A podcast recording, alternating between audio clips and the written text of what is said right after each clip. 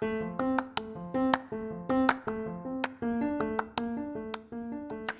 og velkommen til en ny spørsmål- og svar-episode av Spareglede podkast. I dag skal jeg gjøre mitt beste for å svare på følgende spørsmål. Hei, jeg sparer litt i fond, men aller mest på en sparekonto i Svea. Og jeg lurer på hvor mye jeg burde spare i fond versus sparekonto, og hvilke fond som anbefales.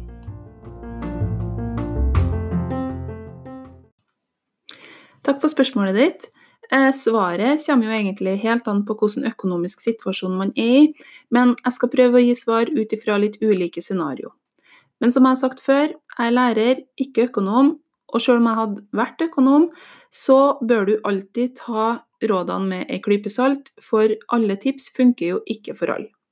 Men ja, her er i hvert fall noen vurderinger som en bør gjøre seg når en skal vurdere fond opp imot sparekonto, og hvilke fond en bør spare i. Sparekonto det er lurt for penger som du kanskje trenger i morgen, eller om to og et halvt år, eller om fire år, når du skal kjøpe deg bolig eller bil, eller du skal dekke noen utgifter hvis du plutselig mister jobben eller blir permittert, eller alt av elektriske ting ryker på en gang. Så egenkapital til bolig, sparing til bil, til ferie, bufferkonto, det bør være på en sparekonto. Sånn at de er lett tilgjengelige, og at de garantert ikke plutselig synker i verdi den dagen du trenger pengene. Eh, hun som sendte meg spørsmålet, hun hadde sparekontoen sin i Svea. Og det kan være lurt for banker som Svea, Avida Finans, Nordax osv. De har mye høyere rente enn hva de vanlige bankene kan tilby.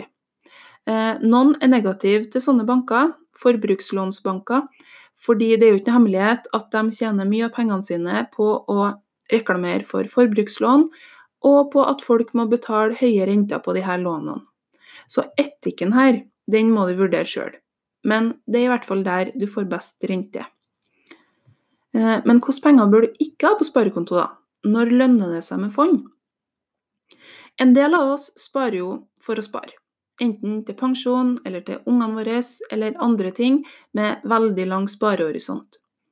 Og hvis du har penger til overs, som du vet at du garantert ikke trenger før om minst fem år, men helst enda lenger, i hvert fall nå som alt er så usikkert, og du allerede har en passe stor bufferkonto, da anbefales det å spare i fond.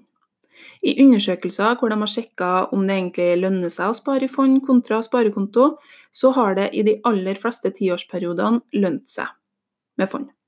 Eh, men vi vet jo ingenting om hvordan framtida blir. Men ekspertene mener fortsatt at hvis sparehorisonten er lang nok, så vil fond fortsatt være lurest. Jeg sparer i hvert fall alt som ikke er øremerka til enten buffer, ferie eller konfirmasjon til ungene mine, i fond. Men hvis jeg skulle ha spart til bil eller en større bolig innen få, få år, da hadde jeg nok heller valgt sparekonto til akkurat de her formålene. Eh, en annen ting som hun spurte om, det er hvilke fond som er anbefalt. Jeg skal ikke gå dypt ned i fondsjungelen nå, men hvis du vil gjøre det enkelt og billig og spre risikoen, så er det som heter globale indeksfond lurt. Tjenester som Dine penger og Morningstar de anbefaler f.eks. DNB global indeks og KLP aksje global indeks 5, eller sånn V. Eh, det er i praksis de samme fondene, eller de følger samme indeks, det er bare det at det er to forskjellige banker som tilbyr dem. Men det du bør være obs på akkurat nå, det er det her, altså ordet 'global', som de har i navnet sitt. Da antyder det jo liksom at det er jevnt spredd over, over hele verden. Men i praksis så er i hvert fall de her to globale fondene ganske tungt vekta i det amerikanske markedet. 64% i USA, for å være nøyaktig.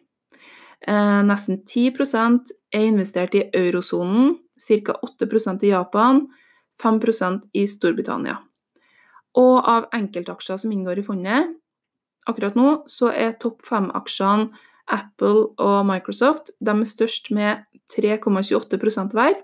Og de tre neste liksom enkeltaksjene er Amazon, Facebook og Nestlé. Så tungt vekta i USA, altså.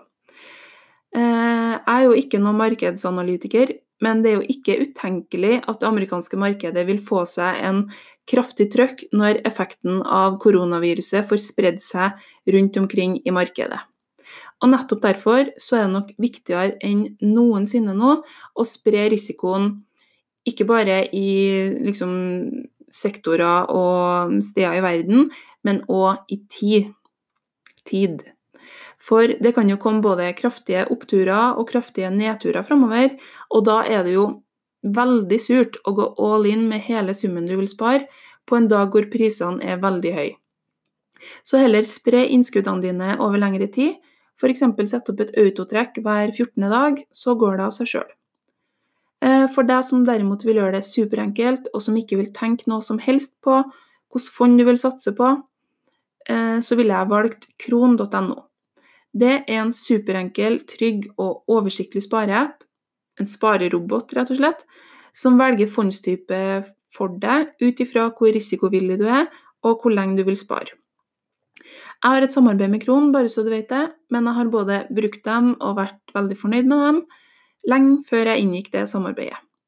Hvis du er interessert i Kron, så finner du en link i episodebeskrivelsen.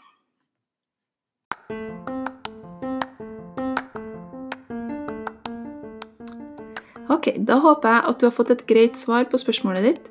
Send meg gjerne spørsmål hvis du lurer på noe, og trykk abonner eller follow i podkastappen, så får du beskjed når det kommer en ny episode. Ha det bra så lenge.